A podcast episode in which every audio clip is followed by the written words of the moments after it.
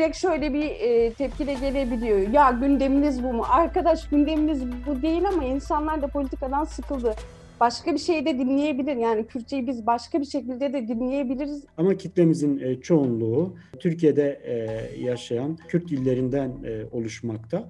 Daha sonra Rojava Kürtleri gelmekte. Kültür sanat sanata dair, sinemaya dair şeyler de yapıyoruz ama işte Kürtçe olduğu için ve Kürtçe politize edildiği için siyasi bir şey söyleyecekmişiz gibi düşünülüyor çoğunlukla.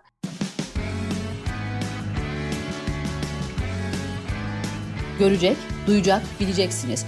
Kısa Dalga Medya. Kısa Dalga'dan ve Başlık Spot'tan merhaba. Ee, podcast Kürdi ile karşınızdayız bu defa. Ee, Kürtçe podcast yapan bir platform. Ee, onlarla hem podcast yapmayı, hem Kürtçe podcast yapmayı, hem de Kürtçe yayıncılık yapmayı, zorluklarını ve belki de heyecanlarını, avantajlarını, dezavantajlarını konuşacağız. Mehmet Salih Bedirhan ve Rabia Çetin ile birlikteyiz. Merhaba arkadaşlar, Kısa Dalga'ya hoş geldiniz. Merhaba. Merhaba Kemal Hocam. Şimdi e, sırayla gidelim. Rabia'dan başlayalım. E, bir kısa ne diyelim kendimizi tanıtalım. Hani bir brief verelim. E, Rabia sen gazetecisin. E, nerelerde çalıştın ve neden Kürtçe podcast olayına girdin?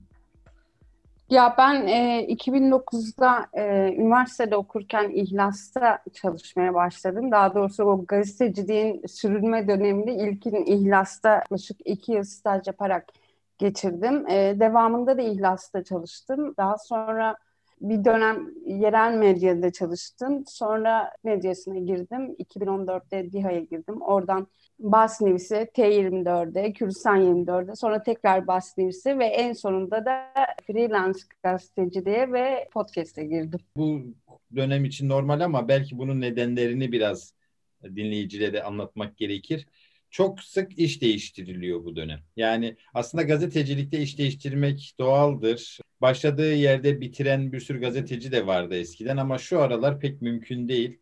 E, niye bu kadar çok iş değiştiriliyor? Şöyle şehir değiştirince yani işte üniversiteyi bitirdin, memlekete geri döndün. Şehir değiştirince aslında başladığım yerde yeniden devam ettim. Oradan işte takım anlaşmazlıklar oldu. O yüzden ayrıldım. Yerel medyaya geçtiğimde yerel medyada mutlu değildim. Kürt medyasına geçmek istiyordum. Ha, seninki tamam ee, mi? Ben yapısal bir takım nedenler e, var. Hayır, benim, benim kişisel tercihim. Aslında bir dönem ben de bundan çok rahatsızdım ama şimdi bakınca bana bayağı şey katmış. Yani hem farklı insanlar, farklı ideolojiler aslında çok da kötü bir şey değilmiş yani. Yani farklı deneyimler ama şu var yani senin evet. da çokça iş değiştiren gazeteci var şu aralar. Hepimiz öyle. Çokça yer değiştirdik. Evet. 2010'lardan sonra böyle bir eğilim. Bu hem medyanın yapısındaki hızlı değişimden kaynaklı hem de artık esnek çalışma yani freelance çalışma biçimlerinin çok artmış olması da buna etken. Peki Mehmet Salih Bedirhan'a gelelim. Kimdir Mehmet Salih Bedirhan? Bize kısaca kendini anlatır mısın? Tabii ki ben gazeteciliğe e, 2010 yılında başladım. Ben e, alaylı gazetecilerdenim. E, Hacettepe Üniversitesi Tarih Bölümünde e, okurken arkadaşlarla e, dergi çıkarmaya başladık. Kürtçe Kültür, Sanat ve Siyaset dergisi Asiva e, isminde. Ardından BBC Farsça için e, haber yapmaya başladım ve e, Kürt medyasına e, giriş yaptım. Kürtçe yayın yapan gazete, dergi ve haber siteleri için e, çalıştım. 2014 ee, yılından bu yana da Basnis Medya Grubu'nun Türkçe e, servisi, e, Kürtçe servisinde e, çalışıyorum. Ardından uluslararası ajanslar için de freelance olarak çalışıyorum. 2020 yılından bu yana da Podcast Kürdi'yi kurduk ve yeni trend olan podcast haberciliği de yapıyorum. Peki buradan devam edelim. Podcast e, ve Kürtçe ikisinin yan yana gelmesi herhalde bir ilk e, ya da benim bildiğim ilk başka yayın yapan yok Türkiye'de. Ve podcast yapmanın zorluklarını e, biliyoruz, biz de yaşıyoruz. Ama hani keyifli yanları ve avantajlarını da biliyoruz. İkisi bir araya gelince Mehmet Salih nasıl bir manzara çıkıyor? Yani podcast zaten insanlar için yeni bir medya aracı. Peki Kürtçe dinlemek isteyenler, Kürtçe ile e, Kürtçe haber almak isteyenleri bulacaksınız ve bir de onlar arasında herhalde Kürtçe podcast dinlemek isteyenleri bulacaksınız. Başarılı oldunuz mu? Beklentileriniz ve karşılaştığınız şey arasında fark oldu mu? Bunlardan biraz bahseder misin?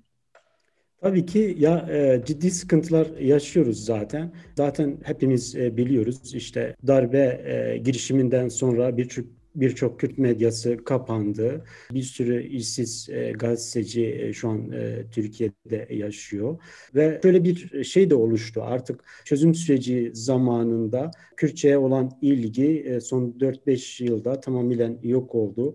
E, yani Kürtçe haberler e, okunmamaya başladı. Aynı sıkıntıyı biz de e, yaşıyoruz. E, millet e, dinlemekten, okumaktan e, biraz kaçıyor. Bunun sıkıntısını biz de yaşıyoruz ve ısrarla devam ettirmeye çalışıyoruz. Niye böyle? Yani bir siyasal süreç var. O siyasal süreçte bir kesinti olunca insanların haber almayı tercih ettikleri dil niye değişiyor? Hani doğrudan bir bağ yokmuş gibi görünüyor. Belki Rabia buradan devam eder. Sen de katkı sunarsın Rabia'nın bıraktığı yerden. Aslında şimdi Kürtçe o kadar politize edilmiş bir e, dil ki yani işte yani Kürtçe haber almak istemeyişleri ya da dinlemek istemeyişleri direkt işte Kürtçe ile ilgili sana e, yaklaşımları ile ilgili bir durum aslında. İşte Kürtçe ise kesin politik bir şey vardır e, ya da kesin taraftır diye e, bir yaklaşım olduğu için biraz bundan etkileniyoruz. Oysa hani e, mesela biz podcast yaparken yaşam haberlerini de yapıyoruz ya da yaşama kültür sanat sanata dair sinemaya dair şeyler de yapıyoruz ama işte e, Kürtçe olduğu için ve Kürtçe politize edildiği için illa sanki işte siyasi bir şey söyleyecekmişiz gibi düşünülüyor çoğunlukla. Oysa öyle değil yani. Peki bu Kürtçe e, dinleyenler, Kürtçe bilenler, Kürtçe haber tüketenler de mi böyle düşünüyor? Yani Kürtçe bir ürünle karşı karşıyayız demek ki bu politiktir diye o zaman sadece dışta bir algı yok. Kürtçe konuşan ve dinleyenlerde de var diye anlıyorum ben. Çünkü gerçekten de şu bir vaka siz Kürtçe konuştuğunuzda isterseniz neden bahsederseniz bahsedin. E, Kürtçe konuşmanın kendisi politik bir tavır hatta bir taraf göstermek gibi algılanıyor. Hani gündelik hayattan konuşsanız bile bu biraz devletin yarattığı atmosferden kaynaklı. E, biraz da Kürtçe üzerindeki baskılar nedeniyle Kürtçenin kendisi politikleşmiş. Peki ama bu Kürtler açısından da mı böyle yani bir Kürtçe haber platformu, podcast platformu olduğunda Mehmet Salih öyle mi algılanıyor? Kesinlikle öyle bir e, durum söz konusu. Mesela hepimiz e, hatırlıyoruz e, çözüm süreci zamanında hükümet yetkilileri tarafından Kürtçenin önündeki hukuki sınırlamaların kaldırılacağına ilişkin açıklamalar yapılırdı. Hemen hemen hepimiz metroda, otobüste elinde Kürtçe e, kitap e, okuyan, Kürtçe gazete, dergi okuyan bir kitleyle karşılaşırdık. E, şu anda e, o e, öyle bir durum e, söz konusu değil. Yani Kürtçe ile e, ilgilenen, e, Kürtçe konuşan ve Kürtçe e, haber tüketmeye e, çalışan herkes artık siyasi atmosferden uzaklaşıyor, kaçıyor. Yani şöyle bir durum e, söz konusu. Yani sırf bir tweet paylaştığı için milletvekili düşürülen bir milletvekili söz konusu. Böyle bir durumda Kürtçe e, podcast bir kanalının haberini paylaşmak, içeriğini paylaşmak e, tabii ki vatandaşı da ürkütüyor, korkutuyor maalesef e, hükümetin, iktidarın yarattığı böyle bir siyasi atmosfer mevcut. Bu da bizim e, dinleme oranlarımızı e, büyük oranda etkiliyor. Çok ilginç gerçekten. Hani bir dilin e, böyle bir politik taraf gibi algılanması. E, bunu ben şeyden e, de biliyorum. Yani 90'lı yıllarda e, Kürtçe bir aşka dair, sevdaya dair bir türkü, şarkı dinlediğinizde dahi beklenti şey hani onun içerisinde işte devrimci mesajlar olacak, isyan mesajları olacak gibi. Yani hem dinleyende böyle bir beklenti oluyordu Kürtçe dinlediği zaman hem de Kürtçe bilmeyen biri de Kürtçe ile karşılaştığında çok doğrudan devlete isyan ediliyor duygusu. Bu inanılmaz bir şey değil mi? Hani yani bir dille bir dilin böyle algılanması. Halbuki dil yaşayan bir şey. Yani e, hayatın içindeymiş. Hayata dair her şey olabilir. Bu TRT Kurdi de mi bu algıyı kıramadı ya da niye kıramadı sence Rabia? Yani TRT Kurdi'de Kürtçe yayınlar yapılıyor ve işte devlet yanlısı, hükümet yanlısı yayınlar yapılıyor. İnsanlar gördü ki Kürtçe konuşulduğunda e, başka şeyler de savunulabilirmiş. Başarısız mı oldu yoksa onun da bir farklı alanlarda bir başarısı var mı amaçladıkları doğrultusunda? Tabii onu politik açıdan derinlemesine analiz etmek yani hani benim çok yapabileceğim bir şey değil. Yani devam eden bir şey ama şöyle bir durum var yani e, onun devlet kanalıyla açılması ve iktidarın işte onun açılması için girişimde bulunanlar işte Kürtçe'ye dair her bir talep dile getirildiğinde işte bakın TRT Kurdi'yi TRT Şeşe açtık diyerek onu öne sürüyordu. Yani sanki Kürtlerin işte bütün talebi sadece Kürtçe yayın yapan bir televizyon kanalının var olmasıymış gibi davranıldığı için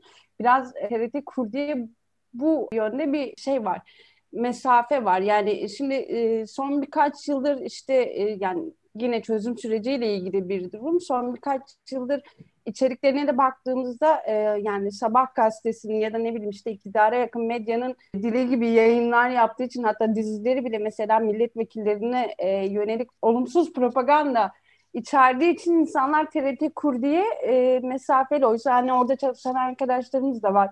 Onların öyle bir düşüncesi yoktur. Eminim öyledir de. Bu TRT Kurdi'nin bu durumu yani bu algıyı şey yaptı. Bu algıyı güçlendirdi.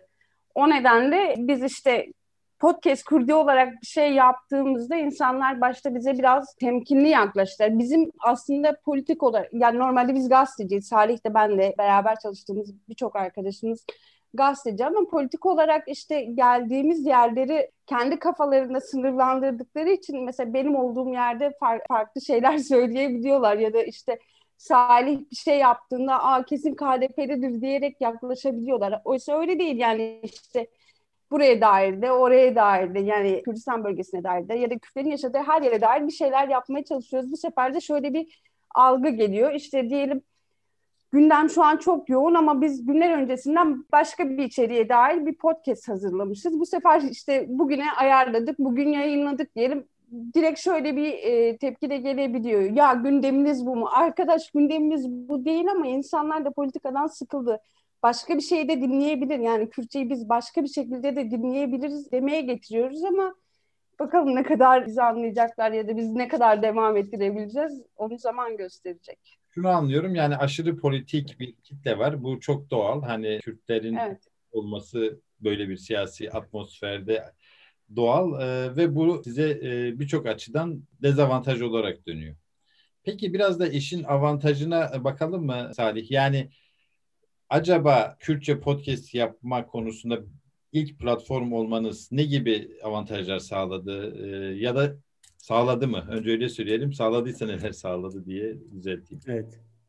Ee, aslında Kemal abi demek istiyorum. Ee, hem mesleki büyüğümüzsünüz. Kemal abi şöyle bir şey e, oldu. Ya bizden daha önce de haber podcast'i yapan gazeteci arkadaşlar vardı. Voice of America'nın Kürtçe servisi, SBS e, Radyo'nun e, Kürtçe servisi, İsveç Radyosu'nun Kürtçe servisleri, Kürtçe haber podcastleri yapıyorlardı. Yani ilk biz değiliz. Ama düzenli ve sistemli bir şekilde Türkiye'de ilk olarak bizler giriştik bu işe. E, tabii ilk başlarda ciddi bir ilgi vardı ve e, ciddi bir dinleyici kitlesine e, ulaştık. Bu konuda bize çok iyi e, geri dönüşler oldu, feedbackler aldık. Bir de Kürtçenin şöyle bir durumu var. Ya, sözlü geleneği güçlü. O açıdan hiç sıkıntı yaşamadık ve biraz da biz e, hikaye gazeteciliği yapmaya çalışıyoruz. Özellikle yüzün üzerinde podcast e, yayınladık ve bunların e, 84'ü e, haber podcast'i. E, o konuda ciddi bir şey oluşturduk, bir arşiv de e, oluşturduk. E, bu da bize şöyle bir e, şey oluşturdu. E, Kürt, hem Kürtçeyi dijital hale e, getirebilmek ve e, Kürtçe haber e, podcast podcast'in yapılabileceğini de e, ispatlamaya çalıştık. E, öyle bir durumumuz e, söz konusu. Ve e, şeyi de e, söylemek istiyorum Kemal abi. E, Birçok yani şey e, medya, üniversitenin medya bölümlerinden mezun olmaya çalışan, hala okuyan birçok Kürt genci bizimle kontak kuruyor ve e, podcast haber yapmak istiyor. E, bu da e, bize mesleğimizi daha iyi yapma ve daha sıkı sıkı sarılmamıza neden oluyor. Bir motive olmuş oluyor bize. Bağımsız, objektif, kaliteli haber. Kısa Dalga Medya. Rabia'ya şunu soracağım. Tabii bu soruya ek olarak Kürtçe e, Kürtçe bir eğitim dili değil. Bir yayın dili de değil. Hani e, şunu kastediyorum. Kürtçe eğitim yapılmadığı için Türkiye'de dilde farklılıklar çok belirgin. Dil benzeşmeleri Türkçe'de olduğu gibi hani ağızlar var bir Türkçe'de de Karadeniz ağzı, işte Ege ağzı falan ama sonuçta insanlar birbirini anlayabiliyor. Kürtçedeki bu e, farklılığı e, nasıl aşıyorsunuz? Neyi esas alıyorsunuz? Esas aldığınız bir ağız var mı? Yani şu ağzı ya da şu lehçeyi esas alarak yayın yapıyoruz dediğiniz bir şey. Bir de bunun e, dezavantajları ne? Yani baştan dezavantaj diyorum çünkü gerçekten Adıyamanlı bir Kürt ile Batmanlı bir Kürt zaman zaman dil konusunda anlaşmazlık yaşayabiliyorlar. Anlaşmazlık demeyelim de birbirlerini zor anlıyorlar diyelim. Bu Kürtçe yayıncılığı nasıl etkiliyor? Ya aslında yine Salih ikimizin işte habercilikten gelme geleneğinden dolayı e, şimdi haber yazarken siz üstadımız olarak daha iyi bilirsiniz. Olabildiğince en e, sade haliyle yani toplumda işte e, herkesin anlayabileceği bir dille yazdığımız için haberleri aslında podcast'te de öyle yapıyoruz. Yani olabildiğince herkesin anlayabileceği bir dil kullanıyoruz. Yani işte Kürtçe öğrenen daha Salih Kürtçe konusunda benden daha iyi. Yani hem yazma hem okuma konusunda hem kitap çıkarma konusunda benden daha iyi ama e, mesela Kürtçe okuma yazma öğrenenler arasında şöyle bir e, espri de var sürekli yapılıyor işte akademik Kürtçe mi işte e, Mardin Kürtçesi, Şırnak Kürtçesi diye. Biz aslında sokakta işte Diyarbakır'da, Mardin'de, Batman'da sokakta konuşulan Kürtçeyi kullanmaya çalışıyoruz.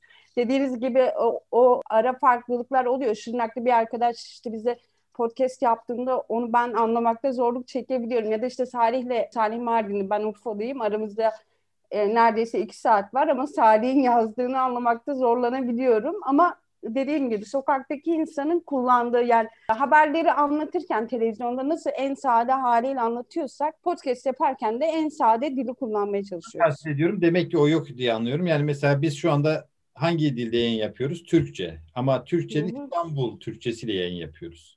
Yani evet. ya da Karadeniz değil. Kürtçe'de de böyle bir dominant hale gelmiş bir ağız e, yok diye anlıyorum. E, daha sokakta halkın konuştuğu ve e, baskın bir e, ağız olmadığı için de e, kim konuşuyorsa onun kullandığı ağzı temel kabul ediyorsunuz. Evet yani yazılı bir e, metin olmadığı için yani işte düzeltme gönderip hayır şuraya şu şekil kullan demiyoruz yani. Nasıl kaydediyorsa o şekilde kullanıyoruz. Peki bu durum Salih dinleyici kitlenizi nasıl etkiliyor? Yani ya bu da Kürtçe mi hani ben hiçbir şey anlamadım diye tepki gösterenler oluyordur mutlaka. Kürtçenin öyle bir yönü ne yazık ki çünkü ne yazık ki ya da iyi ki diyelim çünkü her ikisi de avantajları ve dezavantajları olan e, durumlar. Yani yayın dili olsa işte bir serbestçe yayın yapılan ve eğitim e, yapılsa Kürtçeyle o zaman bir ağız herhalde kendiliğinden dominant hale gelir ve insanların birbiriyle anlaşması daha kolaylaşır.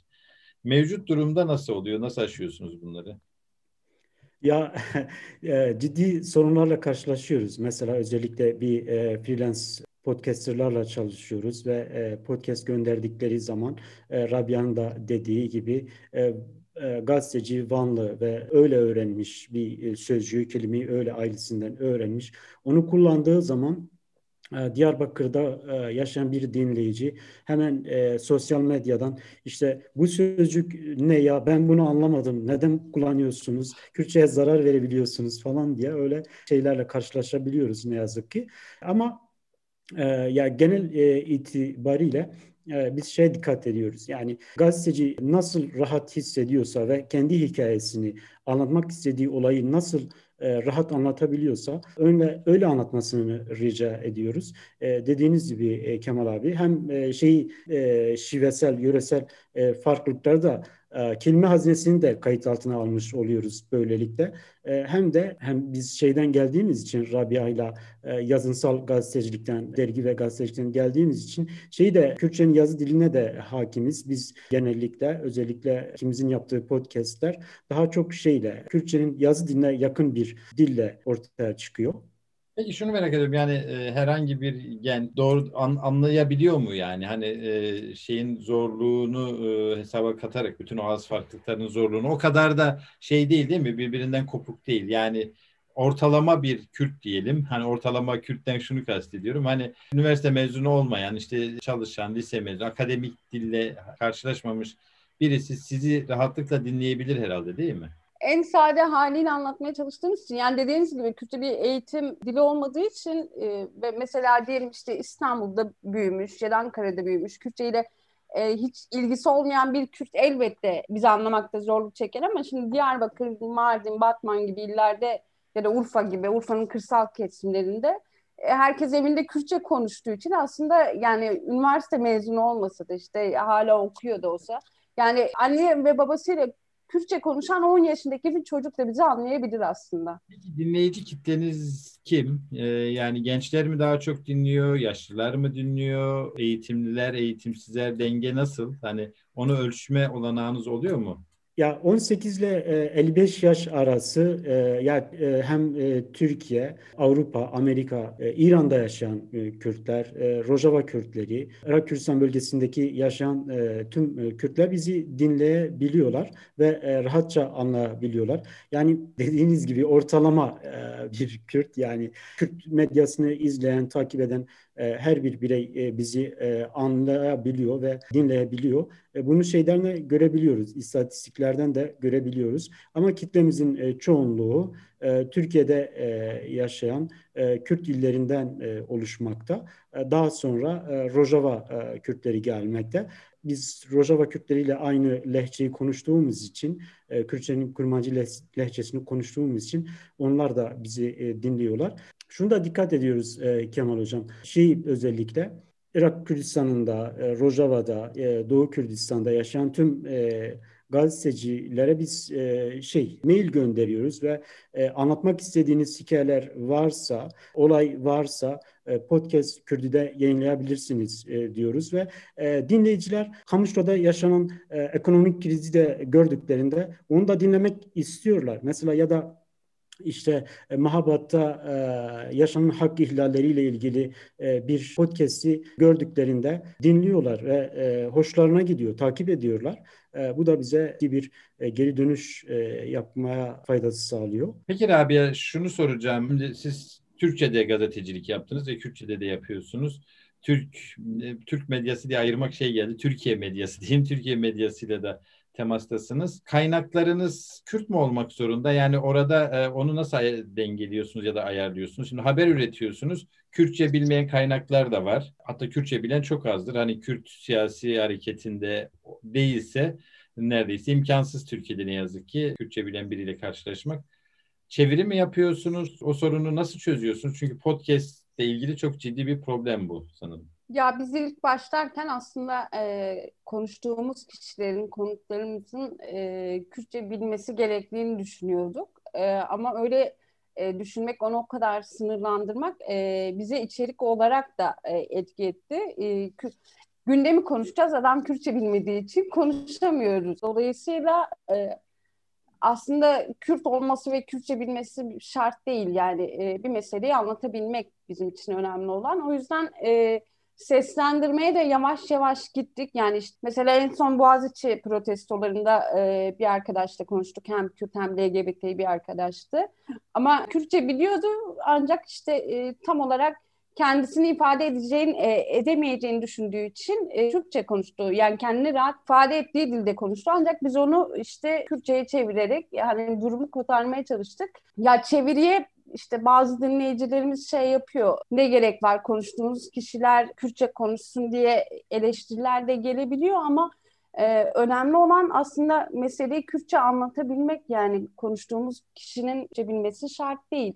Ha çok isteriz işte mesela şu an HDP'nin kapatılması ile ilgili hazırlanan iddianameyi konuşabileceğimiz bir Kürt hukukçunun yani bir hukukçunun bunu Kürtçe anlatmasını çok isteriz ama anlatamıyorsa ne yapalım yani bu haberi yapmaktan vaz mı geçelim? Yani biraz seslendirmeyle, biraz işte e, durumu anlatmayla yani konuğumuzla konuşuyoruz. İşte oradan aldığımız bilgilerle durumu anlatarak da e, kurtarmaya çalışıyoruz. Peki e, kaç yaşında e, podcast kurdu? Bir yaşında, 21 Mart'ta e, bir yaşına girecek. Nevroz günü kuruldunuz yani. Evet. Hedefleriniz neler? E, ikinizden kısa kısa bunları ala ala girmek istiyorum. Yani podcast kurdu e, şu anda nerede duruyor ve neyi hedefliyor? E, birer dakikalık cümleleri alırsam çok iyi olur. E, Salih'ten başlayalım. Rabia ile tamamlayalım. Şu ana kadar e, yüzün üzerinde e, 105-6 tane e, podcast e, yaptık. E, 2021 e, senesinde en az 250'nin üzerinde podcast yapmak istiyoruz. E, şu ana kadar 86 tane haber podcast'i yaptık e, ve e, bunu artırarak yapmayı planlıyoruz. Temel hedefimiz e, bu. Daha fazla freelancer gazetecilerle çalışmak, daha fazla podcast, haber podcast'i yapmak. Rabia? Ya biraz ütopik gelecek. Bir dakikayı da aşabilir. Şimdi biz ilk başlarken pandemi, e, daha doğrusu koronavirüs Türkiye'de ilk kez e, görülmüştü ve e, virüs sanki sadece metropollerde yaşanıyormuş gibi, yayılıyormuş gibi bir his vardı. Oysa bizim işte e, kırsalda yaşayan, Türkçe bilmeyen, Türkçe anlamayan yaşlılarımız da vardı ve sözlü kültür geleneğiyle podcast'i birleştirerek e, bizim ilk hedefimiz onlara ulaşmaktı, onları anlatmaktı. Gerek psikolojik olarak gerek verilerle ilgili gerek kendilerini nasıl koruyacaklarına dair. Tarih biraz daha matematiksel e, hedefleri söyledi ama bizim hedefimiz yaşlılarımızın da Kürtçe podcast dinlemesi yani. Çok teşekkür ederim arkadaşlar. Podcast Kürdi'yi eminim herkes merak edecektir. Belki de bu vesileyle e, birlikte yaşadığımız bir halkın diline yönelik de bir merak oluşur. E, onu öğrenmek isteyenlerin sayısı da artar. Yolunuz açık olsun diyorum. E, Nevroz günü yayınlayacağız biz de bunu. Nevroz Prozbe e, diyorum. Sağ olun. Çok, Çok teşekkür ederiz biz de.